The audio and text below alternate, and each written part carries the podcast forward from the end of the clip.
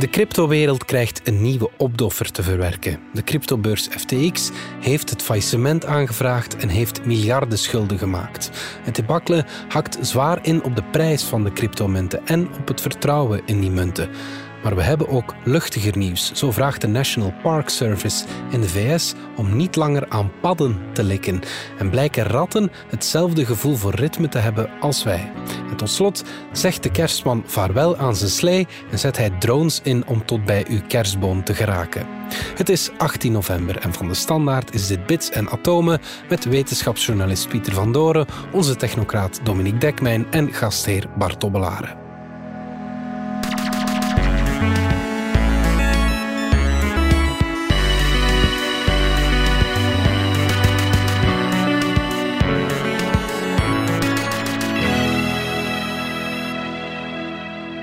Dominique, welkom. De cryptowereld siddert en beeft, mag ik wel zeggen. En dat heeft alles te maken met de neergang van de cryptobeurs FTX.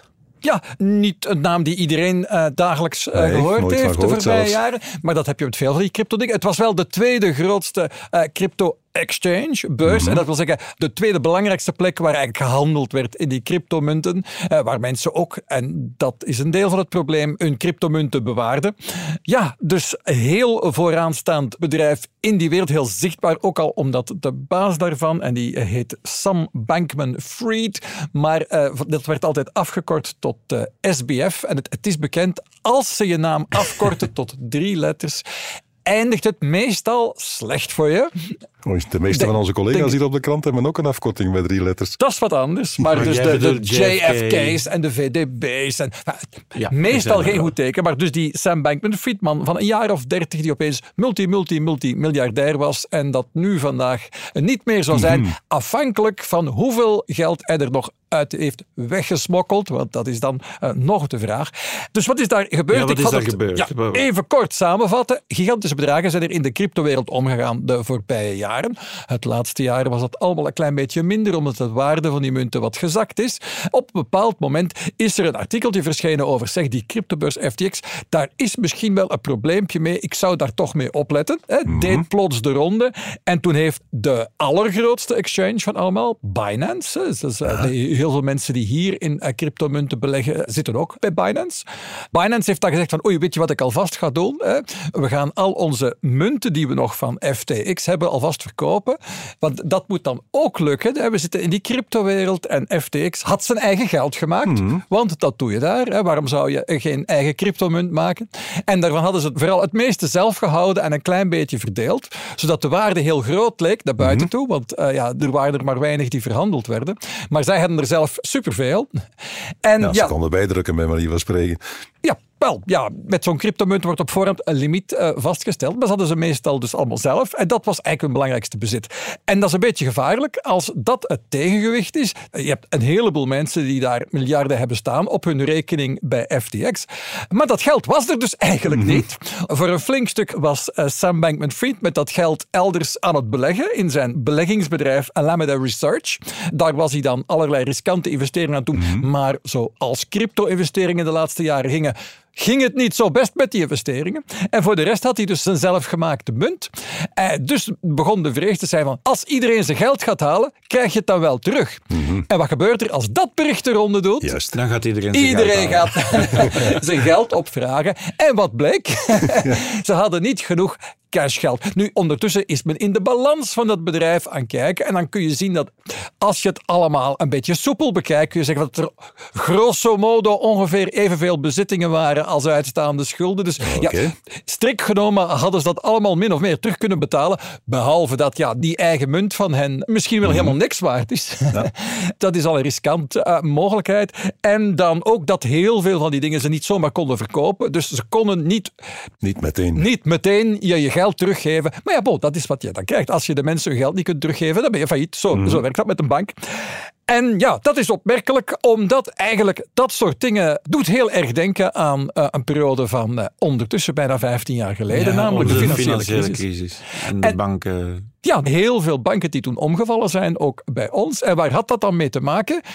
Wel, met riskante investeringen die te hoog in de boeken stonden, met te weinig financiële reserves. Eigenlijk eh, ook wel een beetje van dat. En eigenlijk, waar komt het eigenlijk op neer? Heel veel van de dingen die we toen gezien hebben in 2007 en 2008 met de toenmalige banken, ja, dat is eigenlijk waarom toen dat hele cryptosysteem is opgebouwd. Eigenlijk het hele idee was, Weg het moet eens banken. uit zijn, Ja, ja. weg We met die banken. zelf, Je ja. kunt ze niet vertrouwen, maar kun je wel op vertrouwen op technologie. Hè? We gaan allemaal, hè, in plaats van dat je moet vertrouwen dat die bank ja, goed omgaat met je geld, leggen we alles vast. En wel op een cryptografische manier dat niemand het kan veranderen. Alles ligt vast. Ja, en zo heeft men dan een totaal nieuw systeem gebouwd, waarvan men dacht dat is bestand tegen al die problemen waar de banken niet tegen bestand waren. Wat blijkt nu? En Ondertussen zijn we 15 jaar later, eh, dat in deze omstandigheden het toch niet overeind blijft. En in tegendeel, dat dit nieuwe systeem blijkbaar heel veel van dezelfde fouten vertoont als het oude systeem. En dat is gek, want wat stond alles niet op die blockchain, nietwaar? Ja. Ja, nogal. Maar dan blijkt dat het toch ook wel ingewikkelder is dan dat. Bijvoorbeeld omdat er een kluwe van bedrijfjes is. Dus je ziet ook niet echt goed, of je moet goed kijken, of iemand een vestzak-broekzak-operatie is aan het doen. Het was niet helemaal duidelijk. Hè? Dus dat eh, Sam Bankman-Fried enorme bedragen van zijn ene bedrijf naar zijn andere was aan het overschrijven. En dan op een bepaald moment zelfs per ongeluk 400 miljoen naar een ander bedrijf heeft overgeschreven in plaats van naar een eigen rekening. En dat andere bedrijf heeft het dan eh, gek genoeg gewoon teruggegeven. Dus eh, dat is dan nog goed gekomen. En wat betekent dat nu voor die cryptowereld? Is dat nu, ik zou bijna zeggen, de genadeslag? Of is dat een zoveelste opdoffer? Of is dat een... Een, een zoveelste opdoffer zeker. Is dit de genadeslag voor de cryptowereld? Nee. Er is ondertussen in die 15 jaar is er heel veel gebeurd. Er is heel veel eh, energie gestoken om daar nieuwe dingen mee te bouwen. Met die bouwstenen. Dus het, het eerste was die bitcoin met zijn blockchain. Daar is het Ja. eigenlijk mee begonnen. Dat is echt een product van de financiële crisis geweest. Maar daarnaast heb je bijvoorbeeld eh, andere cryptomunten gehad. Je hebt bijvoorbeeld hè, wat wat er rond de Ether, eh, de Ethereum is gebeurd. Hè, waar je een blockchain hebt waar je niet alleen maar munttransacties op kunt bewaren, maar ook contracten. Hè, het idee van smart contracts. Waardoor je een heleboel intelligentie in zo'n digitaal en helemaal publiek systeem kunt steken. Dus er is heel veel van waarde ontwikkeld over de jaren en daar blijft zeker wat van overeind. Iets anders is natuurlijk ten eerste of je al die organisaties kunt vertrouwen. Ja, het idee vertrouwen crypto krijgt toch wel een vertrouwen deuk. krijgt een Ja. deuk. En net dat had de kwaliteit moeten zijn van crypto. Je hoeft niemand te vertrouwen. Hè. Die term werd voortdurend gebruikt in dat wereldje. Het was een zero trust wereld. Waarom? Je had geen trust nodig, omdat er altijd bewijs was. Kijk, daar staat het op de blockchain. Ja. Je hoeft mij niet te vertrouwen. Kijk maar naar de blockchain. Maar wat daar stond blijkt? was een uitwisseling tussen twee anonieme figuren. Ja, daar heb je nog niks aan. Hè? Maar precies, en dat is net het punt. Hè. Dus iedereen eh, had waarschijnlijk, had hij diep genoeg gezocht, kunnen zien, er is ergens toch wel een klein probleem met die FTX.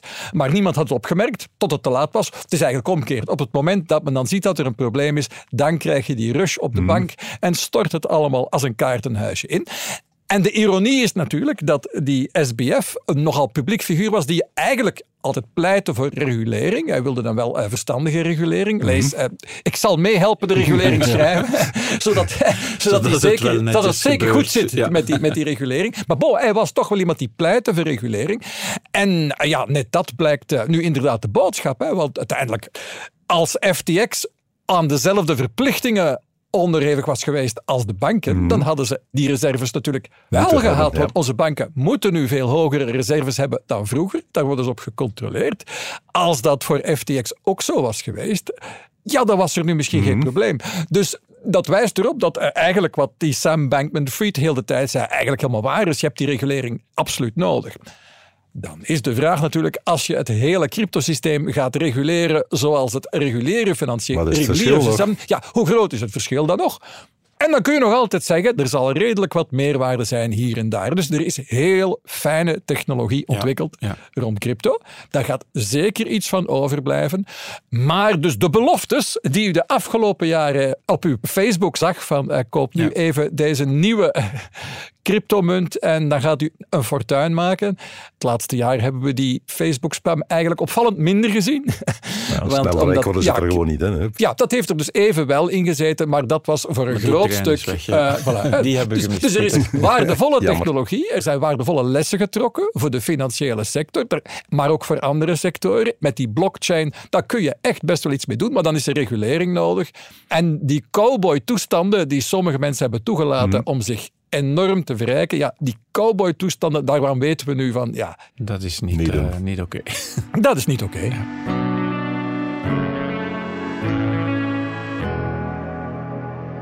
Regulering, Pieter. We gaan naar uh, de national parks in de Verenigde Staten, waar ook regulering nodig is. Want daar is een probleem. Mensen, maar vertel jij het maar. Uh, die hebben onlangs op een Facebook een heel bizar bericht gezet. Die zeiden, als je in een national park bent, let dan op. En of het nu bananenschillen zijn of onbekende paddenstoelen of uh, padden die met hun ogen gloeien in de nacht, niet aanlikken. Je mag dus niet meer aan de padden likken in een national park in Amerika. nee. Ik had nooit verwacht Waarom dat mensen zou dat, ik dat doen. Ja. Wel, het uh, gaat om een heel uh, speciale pad. Uh, de Sonoran Desert pad, ook wel de Colorado-pad genoemd, of in het biologisch Buffo alvarius. En dat is er eentje die in zijn huid een aantal klieren heeft waarin hij nogal leuke stoffen uitscheidt. En met leuk bedoel ik al, ze zijn psychoactief. Ja.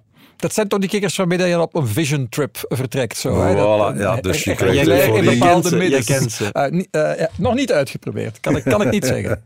Het is zoiets zoals de paddelwereld en uh, weet ja. ik veel. Je gaat daar een trip mee doen. Uh, je bent ergens een half uurtje heel euforisch. Uh, allemaal leuk en aardig. Maar als je iets te gek doet, dan uh, krijg je misschien paranoia, angstaanvallen. Sommige mensen sterven er zelfs aan. Dus je moet ook opletten met dat spul. Het spul wordt verkocht.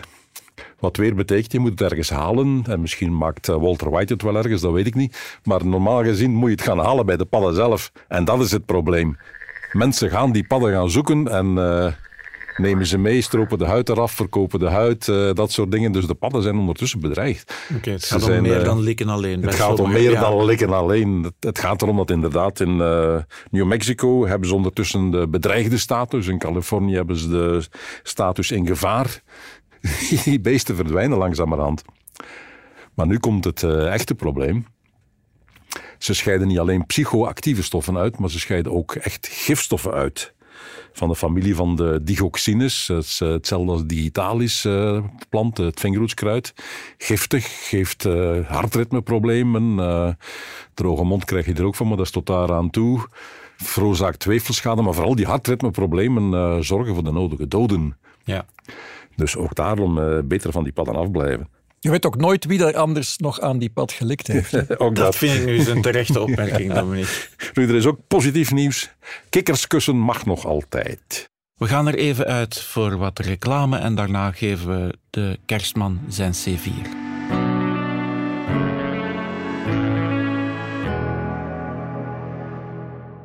Wat vind jij nu zo fijn aan bouwen met Lego-stenen? Ja, hoe moet ik dat uitleggen? Het is echt ongelooflijk. Als je met Lego-stenen bezig bent, dan verliest je echt alle besef van tijd. En dan is het klaar en dan heb je altijd iets moois om naar te kijken en waar je fier op bent. Dat jij dat gemaakt hebt. 73% van alle volwassenen is op zoek naar nieuwe manieren om even los te breken uit de dagelijkse hectiek. Zoek snel naar Lego-sets voor volwassenen en maak tijd voor jezelf.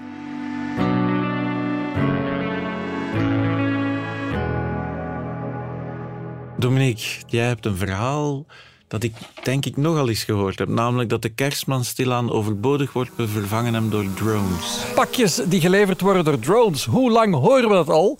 Uh, wel, heb paar, ik even moeten opzoeken. Maar het is bijna tien jaar okay. lang al. Uh, of bijna tien jaar lang geleden heeft uh, Amazon aangekondigd dat ze dat gingen doen. Mm -hmm. En negen jaar later dus hebben ze laten weten dat ze dat nog altijd zullen doen.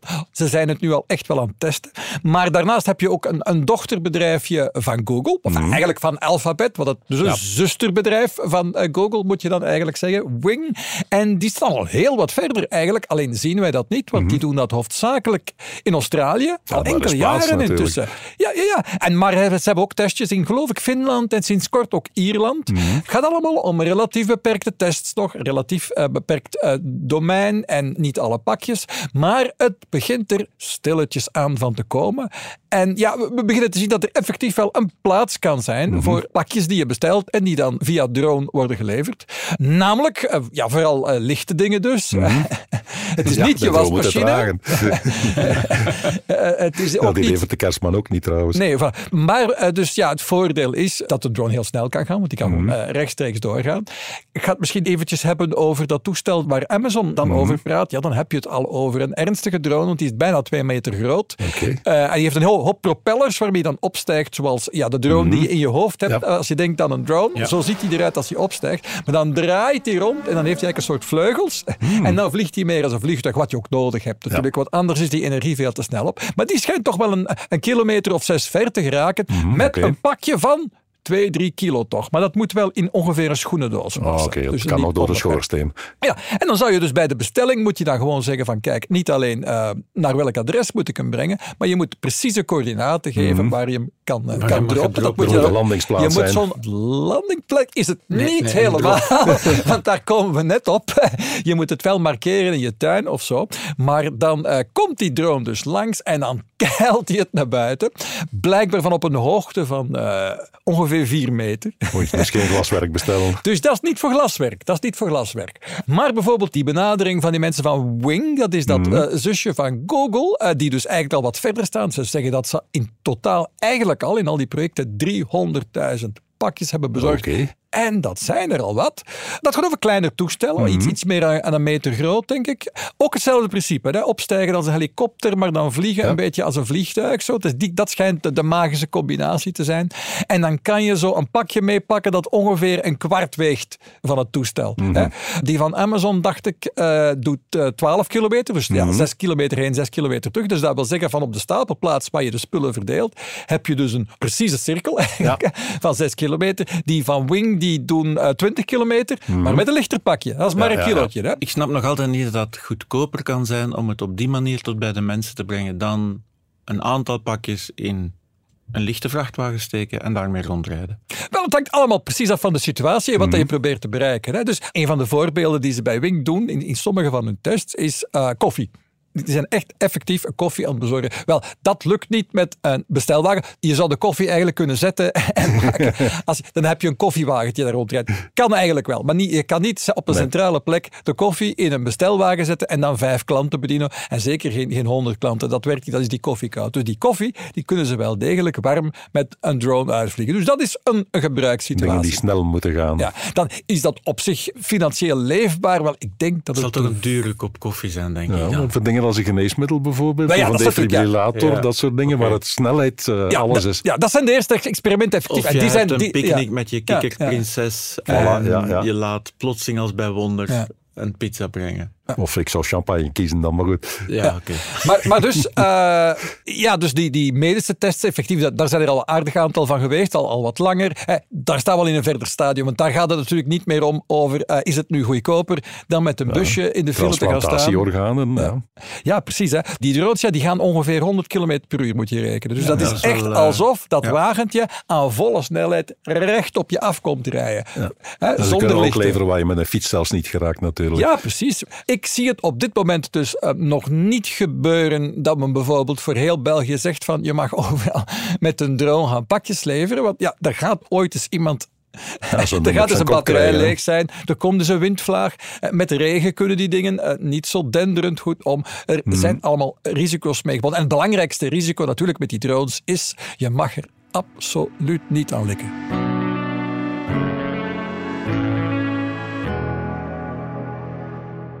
Tijd voor een streepje muziek.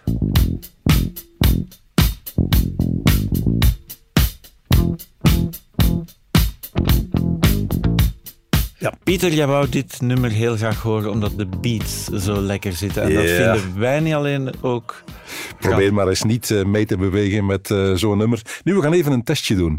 We gaan het even laten horen op uh, dubbele snelheid. Geef toe dat. Ja, daar voel je toch minder verwantschap mee. Hè? En we gaan het ook eens laten horen op drie kwart van de snelheid.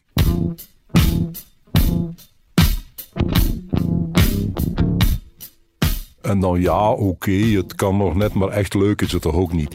Wij willen echt die, uh, ja, noem het een normale snelheid, en die zit ergens aan tussen 120 en 140 beats per minuut, slagen per minuut. Uh, in uh, muziektermen is dat dan allegro. Dat is het ritme dat we lekker vinden, daar willen we op bewegen. Het is toevallig ook ongeveer het ritme van onze stappen 120 per minuut, dat is 2 per seconde. Dat is ongeveer het ritme waarin we stappen, twee stappen per seconde. Oké, ik geloof je. Het is ook het ritme van onze hartslag als we eens lekker actief zijn. Als we lekker aan het dansen zijn, halen we qua hartslag ongeveer 120. Mhm. Dus dat zit goed. Ja. Nu, wat blijkt? Als je ratten naar dit laat luisteren, ze hebben het met ook andere nummers geprobeerd, met een, uh, de sonate voor twee piano's in uh, Re groot van Mozart. En daar zie je hetzelfde. Geef die op normale snelheid en de ratten bewegen lekker mee. Geef die op andere snelheden en zeggen, ah, wat is dat hier? Dus ratten hebben hetzelfde gevoel voor ritme als ja. wij. En dat is bizar. Vind ik Want wel. wij belangen echt het uh, ritmegevoel dat wij hebben, om de bepaalde ritmes liggen ons, dat heeft te maken gewoon met hoe dat ons lijf in elkaar zit. Ik heb al gezegd, uh, twee stappen per seconde, Ja, ja, dat is ja, 120 uh, per minuut. We bewegen gewoon op een bepaalde manier en dat heeft te maken met de lengte van onze armen en benen en van onze gewrichten. En dat maakt dat we deze snelheden leuk vinden. Maar dan zou het bij ratten helemaal niet leuk mogen zijn. Die hebben veel kortere pootjes. Die, dat hartje klopt veel sneller. Dus die zouden veel hogere ritmes leuk moeten vinden. En dat is niet zo. Speed metal. Dus het heeft blijkbaar niks te maken met onze mechaniek. Maar het moet te maken hebben met uh, onze elektriek, zeg maar, met de hersenen.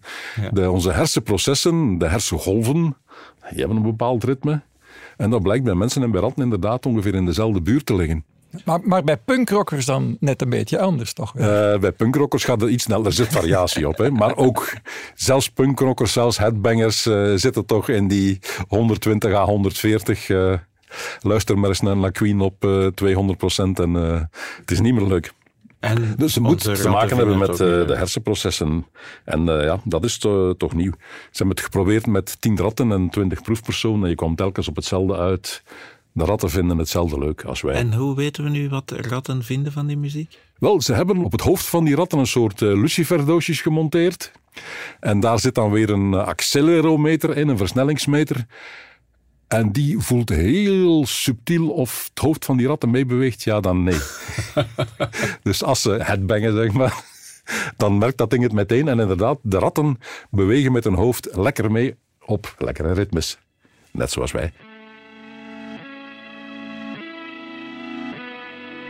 De sterren van de week. Good stage one ignition. To explore where no man has gone before. En eindigen doen we zoals steeds met de ster van de week. En het is natuurlijk een bijzondere ster. Ster is dood, meneer. Oeps. Het gaat uh, deze keer inderdaad over een dode ster en uh, nog meer dan dat over dode planeten rond die ster. Uh, onze zon die gaat binnen zo'n 5 miljard aan haar einde komen. Dan gaat ze zichzelf heel dik en heel groot maken. Dan zwelt ze op ongeveer tot aan de aardbaan gaat ze zo heet worden en uh, alle leven op alle planeten eromheen afvakkelen. Die, die planeten zelf uh, zo ongeveer in brand steken, misschien smelten zelfs. En dan krimpt ze weer en dan blijft er een, uh, een wit gloeiende sintel over. Dat heet dan een witte dwerg. Planeten rond witte dwergen zijn er normaal niet meer. Die zijn vernietigd net in de fase daarvoor. Maar nu hebben ze op 90 lichtjaar van hier een ster ontdekt, een witte dwerg. En daar moet nog gruis van planeten omheen cirkelen. Um, wat betekent die uh, witte dwerg is al 10,2 miljard jaar oud. Dus toen al A moet ze planeten gehad hebben. Dat is namelijk vroeg in de geschiedenis van het heelal. En B, die planeten zijn niet helemaal uh, kapot gegaan. Die zwerven daar nog steeds rond. En dat zien we in het licht uh, van die ster. Want daar vind je signalen in van natrium, lithium, kalium, hoogstwaarschijnlijk ook koolstof. Dingen die van een planeet moeten komen. Die ster zelf heeft die niet gemaakt. Uh, Zo'n ster heeft hooguit wat helium in zijn atmosfeer. Dat is het zo ongeveer.